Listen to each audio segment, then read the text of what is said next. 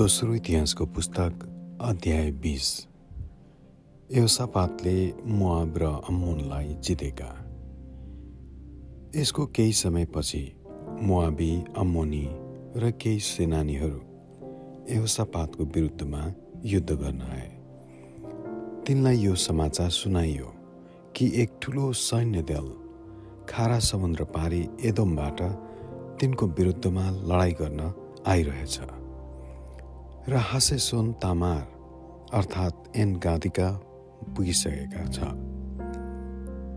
यस्तो विपदको समाचार सुनेर यहोसपातले परमप्रभुको अगुवाई खोज्न अठोट गरे। तिनले सारा यहुदाभरि नै उपवास बस्नलाई घोषणा गरे। यहुदाका मानिसहरू परमेश्वरको सल्लाह माग्नलाई भेला भए। देशको हरेक सहरबाट तिनीहरू उहाँसित सल्लाह माग्न आए। यहुदा र एरुसलेमका सभाको सामुन्ने परमप्रभुका मन्दिरको नयाँ चोकको अघि खडा भएर सपातले भने हे परमप्रभु हाम्रा पुर्खाहरूका परमेश्वर के तपाईँ नै स्वर्गमा विराजमान हुनुहुने परमेश्वर हुनुहुन्न? तपाईँ जाति जातिका सबै राज्यपालहरूका शासन गर्नुहुन्छ। तपाईँकै हातमा शक्ति र बल छन्। तपाईँको सामना गर्ने कोही छैन। हे महाम्रा परमेश्वर के तपाईँले नै आफ्नो प्रजा इजरायलको सामुबाट यस देशका बासिन्दाहरूलाई धपाउनु भएको र आफ्ना मित्र अब्राहमका सन्तानलाई सदा सर्वदाको निम्ति त्यो दिनुभएको होइन? तिनीहरू त्यसमा बास बसेका छन् र तपाईँका नाउँको निम्ति यसो भनेर एउटा वासस्थान बनाएका छन्।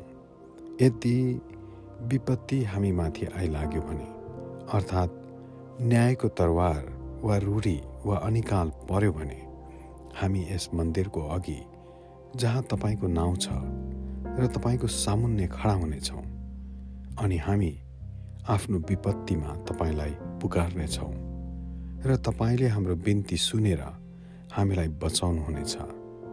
मिश्र देशबाट आउँदा तपाईँले इजरायललाई अम्मोनी र मुआबीहरू र सैर पर्वतका मानिसहरूको देशमा पस्न मनाही गर्नुभएको थियो र यसैले उनीहरू यहाँ आएका छन्। इजरायलीहरूले उनीहरूलाई त्यसै छोडिदिए र उनीहरूलाई नाश गरेनन्। तर अब हेर्नुहोस् यी मानिसहरूले हामीलाई कस्तो बदला दिइरहेका छन्।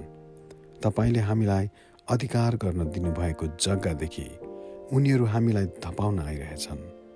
हे हाम्रा परमेश्वर उनीहरूको न्याय तपाईँ गर्नुहुन्न र किनभने हाम्रो देशलाई आक्रमण गर्न आइरहेको यो ठुलो सैन्य दलको सामना गर्न हाम्रो केही शक्ति छैन।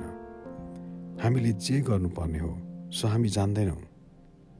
तर हामी आफ्ना आँखा तपाईँतिर उठाउँछौँ।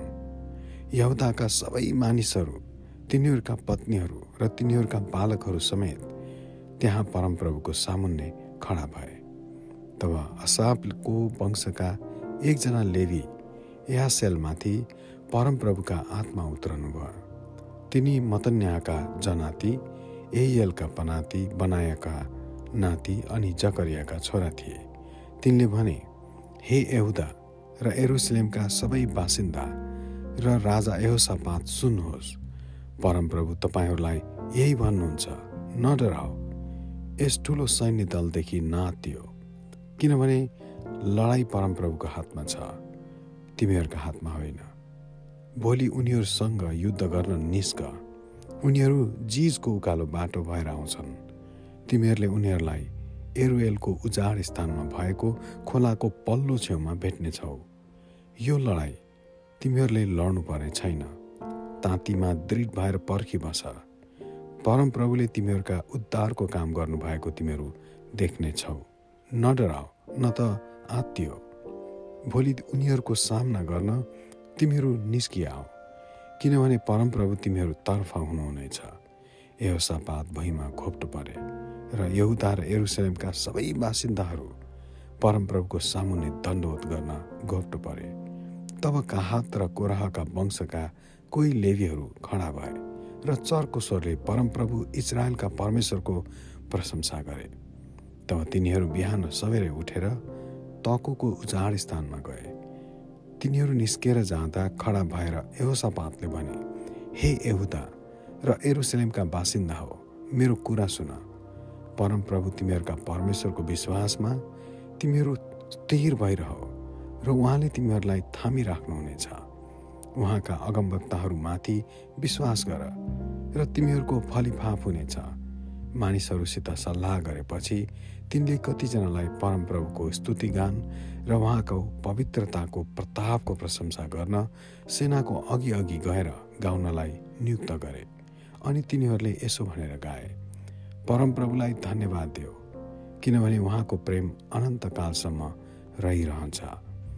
तिनीहरूका प्रशंसाको चर्को आवाज सुनिने बित्तिकै परमप्रभुले एउटासँग युद्ध गर्न आएका अम्मनी मुआबी र सैर पर्वतका मानिसहरूलाई अल्मल्याइदिनु भयो र उनीहरू परास्त भए।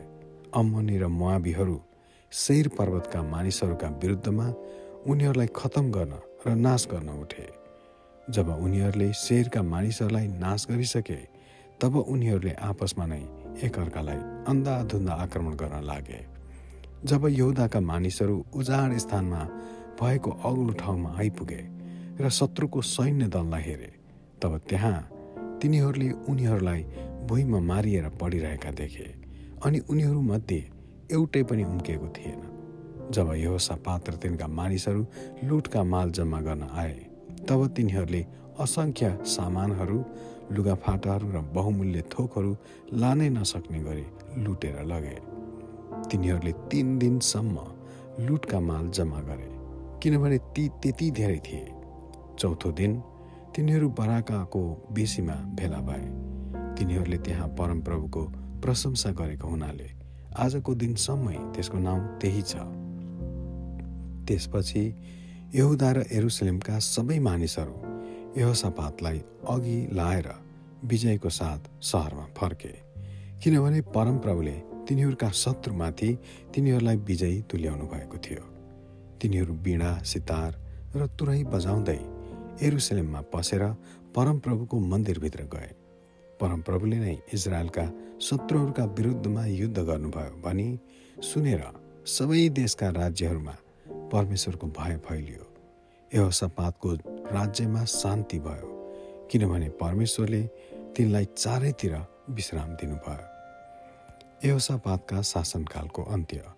यसरी यहोसापातले यहुदामाथि राज्य गरे।